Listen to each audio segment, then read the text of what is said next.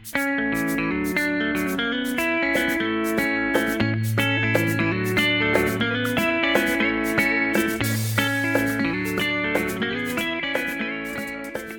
og velkommen til eh, denne episoden av uh, podkasten vår.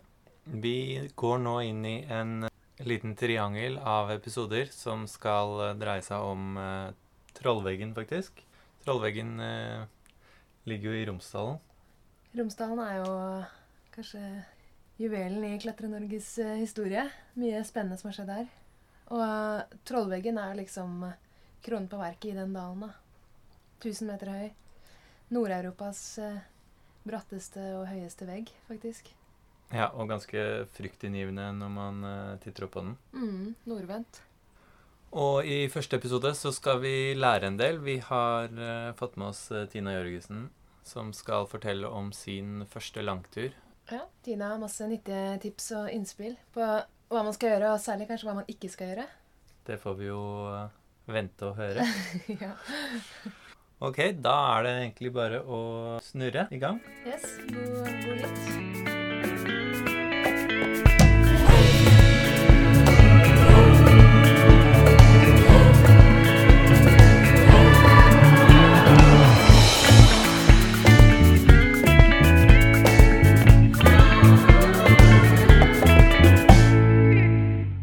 Heter Tina Jørgensen, og jeg har klatra siden 88.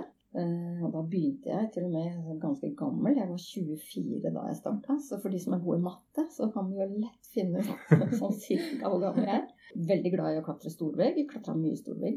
Eh, Mye veldig glad i å lage egne ruter. Både da primært tradd, ikke boring. Og så er jeg veldig glad i å lage buldre. Så det går egentlig i det.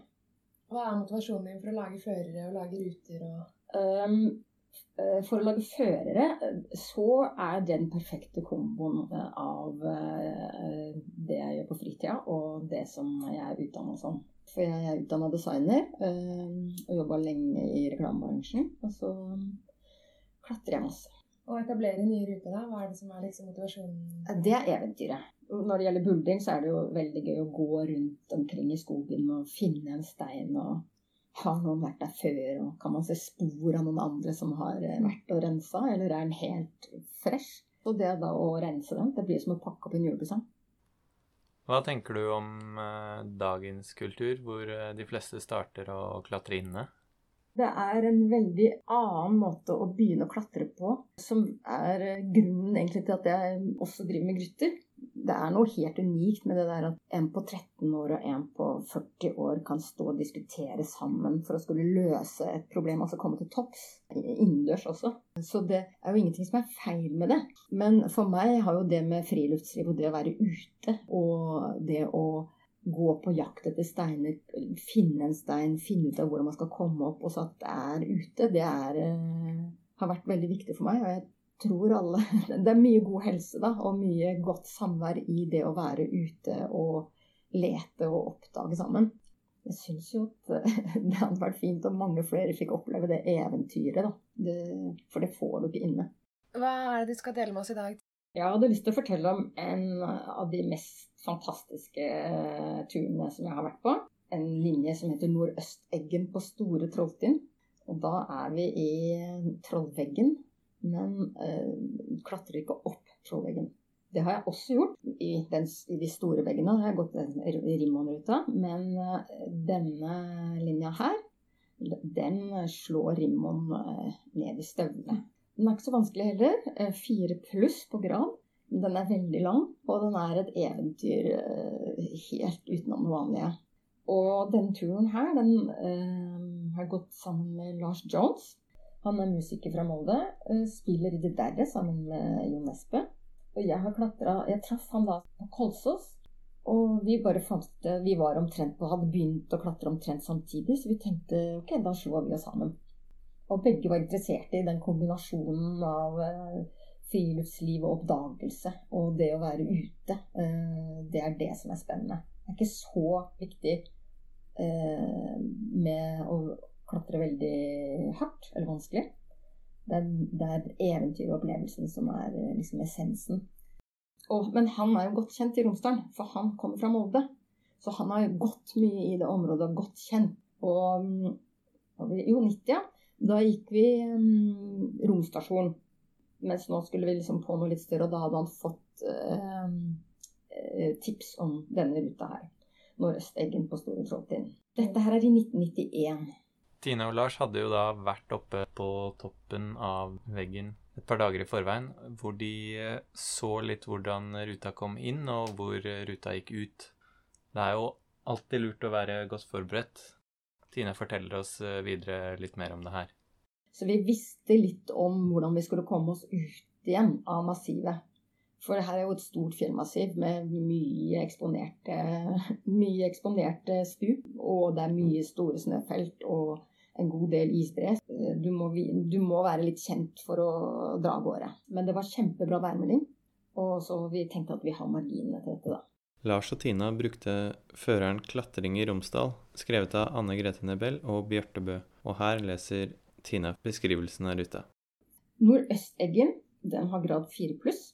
Og den ble gått første gang i 1927 av Eivind Fjell og Sigurd Surke. Og så er den også gått på vinteren, i 83. En tur i fantastiske omgivelser. Med retur ned Vestryggen og Trollklørne bør dette bli en uforglemmelig tur. Ryggen med avstikkere inn i nordveggen klatres til topps. Ruta er på åtte taulengder. Anbefales selv om fjellkvaliteten ikke ligger i toppklasse. Men det man gjør, man starter jo da helt i bånn av dalen. Regn med tre-fire timer på anmarsjen. Det er en lang tur å gå opp til der du begynner å klatre. Så Lars og jeg vi starta jo sånn i halv seks-tida på morgenen, for vi visste at dette kom til å ta veldig lang tid. Du starter da med en rappell på klatringa. Og så går du bortover en egg. Og det er nærmest som en catwalk. Eh, den er 1,5 meter bred, den eh, eggen, i starten. Og så har du da hele amfiet med trollveggen på venstre side. Stupbratt ned 600 meter. På den andre siden så har du Adelsbreen, som ligger da en 150 meter ned. Helt knallhvit og er utrolig alpin følelse. Og så går man bortover da den catwalken i en, kanskje en 100 meter, og så begynner klatringen. Selve den klatringen den er ikke så veldig vanskelig, altså grad 4 pluss, de vanskeligste bevegelsene. Og, men det fins ikke noe detaljert uh, rutebeskrivelse altså for taulengder men du skal holde deg på eggen, og hvis det blir litt for vanskelig, så tar du deg en liten tur inn i, i nordveggen. Altså ikke på trollveggsiden, men på den andre siden. Det er jo en smal, smal egg. Du titter, du klatrer opp og titter ned i, fjell, i trollveggen hele veien mens du klatrer omtrent. Så veldig, veldig gøy, da. Og sånn rent sikremessig er det også egentlig Kan ikke huske at det var noen vanskeligheter. Og det her var jo 91, så det var kan du fortelle litt om klatreutstyret dere brukte? Ja, det, eh, Vi brukte jo vanlige kiler. Og så brukte vi eh, hekser. Det er kiler som er asymmetriske. Som små klosser, nesten. Og så brukte vi da det vi hadde da fleksible kiler, eller Friends eller Camelots, som er liksom merkene. Eh, de hadde, begynt, de hadde begynt å komme med fleksibel stamme. Men vi hadde flest med stiv stamme, altså hvor det, er, liksom, det går ikke an å bøye den. Og da er de vanskeligere å legge. Og så er de mye tyngre. Uh, og det gjør at alt sikringsutstyret blir veldig tungt. Men vi klarte ikke å komme helt til topps da, uh, på den dagen. Fordi det var jo veldig lang anmarsj. Og selv om vi da startet veldig tidlig, så måtte vi gi oss på sjuende taulengde omtrent. Da, da ble det for mørkt. Så da kunne vi ikke se hvor vi skulle gå, og det bør man eh, hvis man ikke er godt kjent. Hva var det som tok så mye tid? Eh, det tok mye tid Det tok lang tid å gå opp hele veien fordi vi hadde med oss veldig mye. Og så tok det lang tid å rappellere ned. Det tar lang tid å rigge en rappell, en sikker rappell, og rappellere 20 meter. Det er, da må du ut med alt utstyr. Og så eh, må man jo gå forsiktig bortover den eh, rampa. Og så, eh, som klatrer med lite erfaring, så tar det lang tid. Du skal bestemme deg for å sette hver eneste sikring. Du skal bestemme deg for at nå klatrer jeg her i stedet for å gå gå u- jeg her på eggen i stedet for å gå ut i selve veggen. Altså, du klatrer jo på kanten av en, en stor vegg. Hele veien så er det en egg som er eh, kanskje 60 grader, tenker jeg, helning på. Og så har du trollveggen eh, stupbratt ned på den ene siden av eggen. Og så har du da en vegg som er nordveggen på Store Trollpinn. som er også da heller 60 grader omtrent. Eggen er veldig skarp, er som en kniv som du går oppover langs. Og det er det som gjør at det ikke blir så vanskelig. Eh, For du klatrer jo på et sva, men det er veldig, veldig skarpt sva hele veien oppover. Og noen ganger så blir det da blokkdannelser og hull, f.eks. Steiner som du eh, syns virker utrygge, som ligger helt på kanten av eggen. Og for å da komme deg videre oppover, så, så må du ta små traverser inn i den nordveggen. Og det å ta de beslutningene, det, det tar litt tid. Eh, Så det vi gjorde da når det ble mørkt, var å finne en passende stor hylle. Og så rigge standplass og sette seg ned. Hadde dere regnet med at dere kom til å måtte overnatte? Regner aldri med at jeg kommer til å måtte overnatte. En god del ganger så går det jo, går det jo fort. Det var, det var ikke noe beregning der. Det høres dramatisk ut, men det er jo ikke det, egentlig. Altså, Du blir tørst og sulten fordi du har, går tom for mat og drikke, og så fryser du litt. Eh, Men så lenge været er godt, så sitter du i selen med sikring på en hylle. Det er jo ikke noe farlig, egentlig. Du må jo bare sitte og vente. Det som var utfordringen vår, var at vi hadde, gikk tom for vann veldig tidlig. Dette var jo strålende sol, og vi hadde jo gått veldig langt og drukket veldig mye. Ikke passet på å ta oss vann fra breen og sigene på veien oppover. Så vi hadde lite vann da vi begynte å klatre, og så eh, i løpet av dagen så var jo det helt tomt. Jeg vil tro at vi hadde med oss et sted mellom 2,5 og 3,5 liter til sammen. Det er ikke så mye når det er veldig varmt og, og fin sol og man går eh, langt. Så når vi begynte å nærme oss, så ble vi gira, og da var vi ikke så nøye på det. Og så fylte vi ikke opp godt før vi gikk inn i veggen. Lars ble så fornøyd fordi han fant et sånt lite sig et- med noe mose og med litt vann som sipret ut. Og han slikket det i seg og prøvde å suge vannet ut av den mosen, og han var kjempefornøyd med det. Men det var så tørste vi var. Så det ble jo ikke så mye søvn, men litt søvn ble det. Så eh, vi satt der og døste på den hylla. Eh, Begynte liksom å gry, begynte, sola begynte å komme på. Så eh, våkna vi med et brak. Altså det, det var bare et, et helvetes brak eh, rett over oss. Og sekunder etter så kom det eh, is og snø rasende ned veggen i nordveggen. Og, og krysset over da der vi hadde gått dagen før.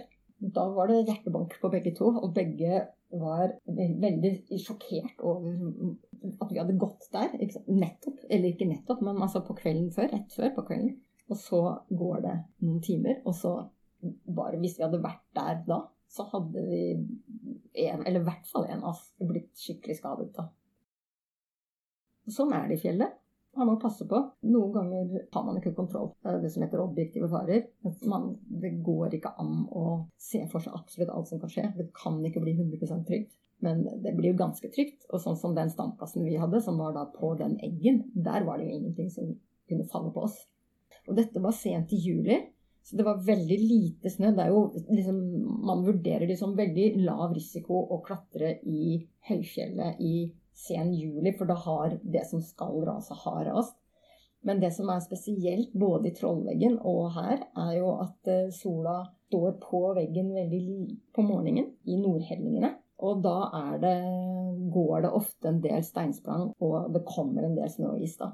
Og det var, antagelig så var det da de varmeste nettene som hadde vært eh, det året, kanskje. Da slipper det. Altså, du, klarer ikke, du, du klarer ikke ta høyde for alt sånt. Men hva, hva, hvordan reagerte du og Lars når, når dere så det? Hva, hva gjorde dere da? Det første Lars sa, var at å herlighet, dette skulle vi sett i går. For da kunne vi klatret opp og hentet snø og vann. Men eh, det gjorde vi jo ikke. Og så ble vi jo først veldig redde. Eh, og følte oss ekstremt utrygge. Og lurte på om var det noe mer som kunne rase. Kan vi gå videre nå? Vi diskuterte frem og tilbake og konkluderte med det at vi er trygge her på Eggen. Den er jo veldig stabil. Det er i nordveggen det raser, og vi, kunne, vi var jo ganske nærme toppen. Eh, så vi kunne jo se at vi hadde ikke så veldig langt igjen.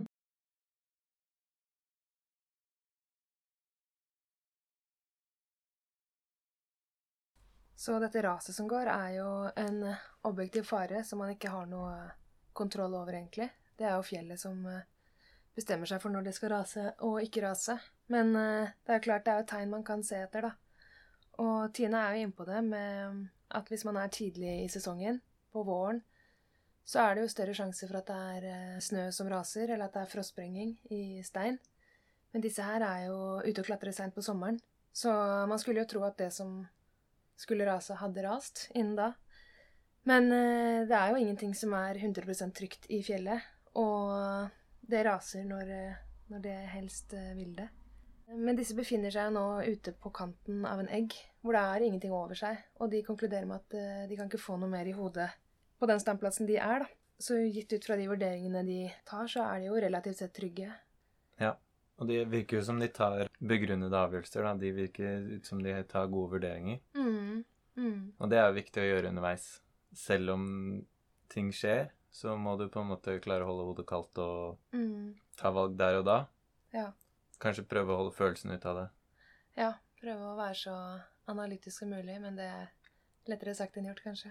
Ja, Det kan man kanskje ikke vite om man er før man står i det. Nei.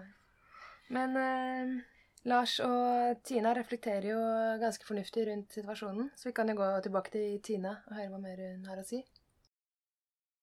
For vi kom opp på toppen ved tretida, og da skjedde det noe vidunderlig. For der var det noen som hadde, var på van, som vanlig sko, eh, hva heter det, som fottur. De hadde lunsjen sin der oppe. Og de hadde et par appelsiner som vi fikk. Og det tror jeg vel er den beste frukt jeg har spist i hele mitt liv. Og det var jo helt utrolig deilig. Jeg tror de så at vi trengte noe. De var litt overrasket over at vi kom den veien, selvfølgelig. Vi kom jo opp fra ingenting. Og så, vi, så spurte de om vi ville ha appelsin, og da svarte vi ja, det ville vi gjerne ha. Tenk deg å sitte her 30 år etterpå og huske én appelsin, Ja, og det bare det lyser av deg når du snakker om den appelsinen. ja den var fin. Den var veldig fin appelsin. Den var veldig oransje. Og Lars spiste med skallet på. Nei. Jeg skrelte min. Det er jo så Hvor lenge siden var det du hadde drukket vann da? Da var jo det i hvert fall tolv timer. Hvert fall nei, nesten to, ikke, Kanskje ikke 24, men si tolv timer, da. Eh, Så det var eh, Og da, men da, når du kom på toppen, der er det jo bare stein. Der er det ikke noe vann. Vi måtte ganske langt ned før vi kom til snø og vann igjen, da, som, Mm. som vi fikk drukket. Det her var den turen jeg lærte betydningen av å pakke lett. Og det er jo det som er verdien og det herlige når man ikke har så mye klatreerfaring. Da er det mye man skal lære seg. Det er nesten så jeg er litt misunnelig på de som eh, liksom står på den andre siden. Nå, jeg har jo klatret veldig lenge og gått masse to- storvegger og har jo mye erfaring nå. I senere tid så har jeg jo ikke sånne spennende historier å fortelle. Så nå har jeg riktig utstyr, og det går stort sett ganske raskt. Jeg gir meg ikke ut på ting som jeg ikke eh, er i form til og sånn. Det her var da jeg lærte å pakke. Vi klatret da med to store sekker. Eh, Ikke sånne 25 eller 30 liter, men sånne 55-50 liters sekker. Store. Og oppi der så hadde vi med oss isøkser, i tilfelle det var is på og når vi skulle gå returen. Eh, Så hadde Lars med seg én liter rødsprit og et sånt lite mini-stormkjøkken. Eh, Det peste jo jeg han litt for, og han fikk litt erting pga. det. Så hadde vi, hadde vi jo dobbelt tau, det må man jo ha når man kl- klatrer i fjellet. Eh, Men de var hver på 10,2 millimeter. Og det er viktig å ha tynnere tau når man klatrer i fjellet. Både fordi altså, det er mye enklere å håndtere lette tau, og det veier jo markant mindre. Men vi hadde altså hvert vårt speilreflekskamera med. Lars hadde en stor kikkert i kjekksekken. Og så var det førstehjelpsutstyr, eh, og så eh, varme klær og full Gore-Tex. Så det ble to veldig store, tunge sekker. Eh, Det er veldig annerledes i forhold til måten jeg pakker på nå. Rekken er jo mye lettere. Altså utstyret er generelt lettere. har ikke med full Gore-Tex eh, på en sånn værmelding som eh, vi klatra på her. Har jo ikke med så mye store klær, men prioriterer heller veldig mye mer vann. For det, vann og mat hadde vi litt lite av, da. Lars fikk sin revansj da, i forhold til den ertinga mi, fordi når vi kom nedover, så var det jo snø og vann å få tak i. Og da dro jo han fram med sånne suppeposer. Og så kokte han eh, suppe, og så spiste vi skikkelig bra, da. Sånn sett så fikk han revansj med akkurat den rødspriten. Var dere nervøse før deres eh, første ordentlig lange tur? Eh, vi var ikke nervøse. Det var vi ikke. Men vi skjønte ikke betydningen av Altså, vi skjønte ikke hvor mye vekt har å si eh, på en, sånn, på en lang tur. Eh, for de turene vi hadde gått tidligere, der hadde det mm, altså Opp på Romsdalsskolen, jeg husker ikke hvor mange taulengder det er, men det, det er seks taulengder eller noe sånt. Og det er veldig grei anmarsj. Den er ikke kort, men den er definitivt ikke lang. Så var, da er det alltid masse margin. Eh, mens når du skal gå, hvis du skal gå en ekte storvegg, altså 20 taulengder og mer, eller hvis det er veldig lange anmarsjer og utmarsjer, som på denne ruta her, så får vekt mye mer å si. To speilreflekskameraer. Altså det her er før mobiltelefonen, men, men likevel. Tror du det var en forskjell da og nå at man kunne møte noen på Kragerø og bare teame opp med de og dra og gå ut i Romsdalen? Tror man fortsatt kan det i dag? Møte noen på Haugsjern? Det tror jeg er ganske likt, eh, men nå er det vel sånn at man går ikke inn noen gjør det. Jeg kjenner noen, men de er litt eldre. De bare møter opp og satser på at det går bra. Men eh, det er jo veldig mange som bruker da sånn som Happy Climbers og tilsvarende eh, nettforum. Det er jo noe av det som er fint med klatringa, er at det er veldig sosialt og veldig altså, inkluderende. Hva er eh, hovedforskjellen mellom erfaren og uerfaren når du, når du klatrer lange turer og store vegger? Eh, man lærer mest om, altså fra nybegynner til erfaren, det er det med å beregne tid. Og det å vurdere hvor seriøst noe er, og hvor lang tid ting faktisk tar. Men altså, man lærer jo aldri. Altså, jeg har ikke tall på hvor mange ganger jeg har sittet og venta på at det skal bli eh, lyst, sånn at jeg kan gjøre ferdig de siste taulengdene på en storveggsrute f.eks. Eller at jeg har kommet akkurat til topps. Eh, men så er det så dårlig sikt at det må vente på lyset for å komme ned igjen. For det er jo sånn, altså Alle nestenulykker som jeg har vært borti, det handler jo eh, om rappeller som havner litt i ikke noe, og snø og is som raser, og stein som, eh, som kommer på når du trekker ned tauet på en rappell, f.eks. Og helt til slutt her, Tina. Takk for at du kom. Men jeg lurer også på, og det gjør kanskje noen andre òg du har ett tips som uh, vi skal ta med oss videre herfra, hva er det? Det å snakke med folk er jo det aller viktigste, tenker jeg, da. Hvis det er noe du har lyst Du har sett noen bilder av noe du har lyst til å gå eller gjøre, eller du sant, syns noe er veldig spennende, så enten lokale eller eh, folk du liksom kommer borti, og høre om noen av de har eh, gjort det samme, eller kan gi deg noe råd om hvor du kan få informasjon. da så er det jo noen steder som er kjent for å være Altså hvor det er bra steder å starte. Og der er det jo ja, Sånn som i Nissedal f.eks. er jo et veldig snilt område um, hvor, det er, hvor, det er, bra å starte. Og i, Romsdalen er det jo også det. Lofoten er det ganske mye. Mange steder hvor det er bra å starte.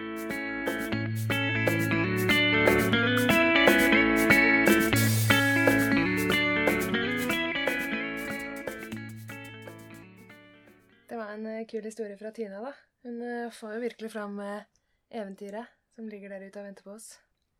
Ja, og det er ganske tilgjengelig, virker det som. Mm, bare å dra ut og prøve. Ja, og det trenger ikke være så farlig heller. Nei, man kan jo tilpasse. Det fins masse fine steder å dra, som hun nevner. Nissedal. Romsdalen er jo kjent for å være litt løst, men det fins mye fint der også. Ja. Og Lofoten er jo helt magisk. Mm. Vi skal jo ha tur til Lofoten, vi. Det skal vi faktisk. Så da er det egentlig bare å gå inn på hjemmesiden vår og bli med på et eventyr. Mm. Da får man en uh, litt snillere introduksjon enn disse to her, eh, stakkars. Ja, det får vi håpe mm. at uh, det blir. Men vi er ikke helt ferdig med Trollveggen ennå. Vi skal ha to episoder til. Og det er vel om ruta som Tina nevner at hun har gått i starten her. Rimmon. Rimmon-ruta, ja. To eh, forskjellige historier om åssen man kan angripe den ruta. Ja, to ganske forskjellige utfall også. Mm. Vi har fått med oss to Einar Landmark, som var med i første episode. Og Leif Håvard Kande, som har tatt med seg en norgesmester i boksing opp veggen. Uten hjelm. Jeg vet ikke hvor lurt det var, men uh, vi får bare høre og se. Ja, hør og se. Takk for at du hørte på. Ha det.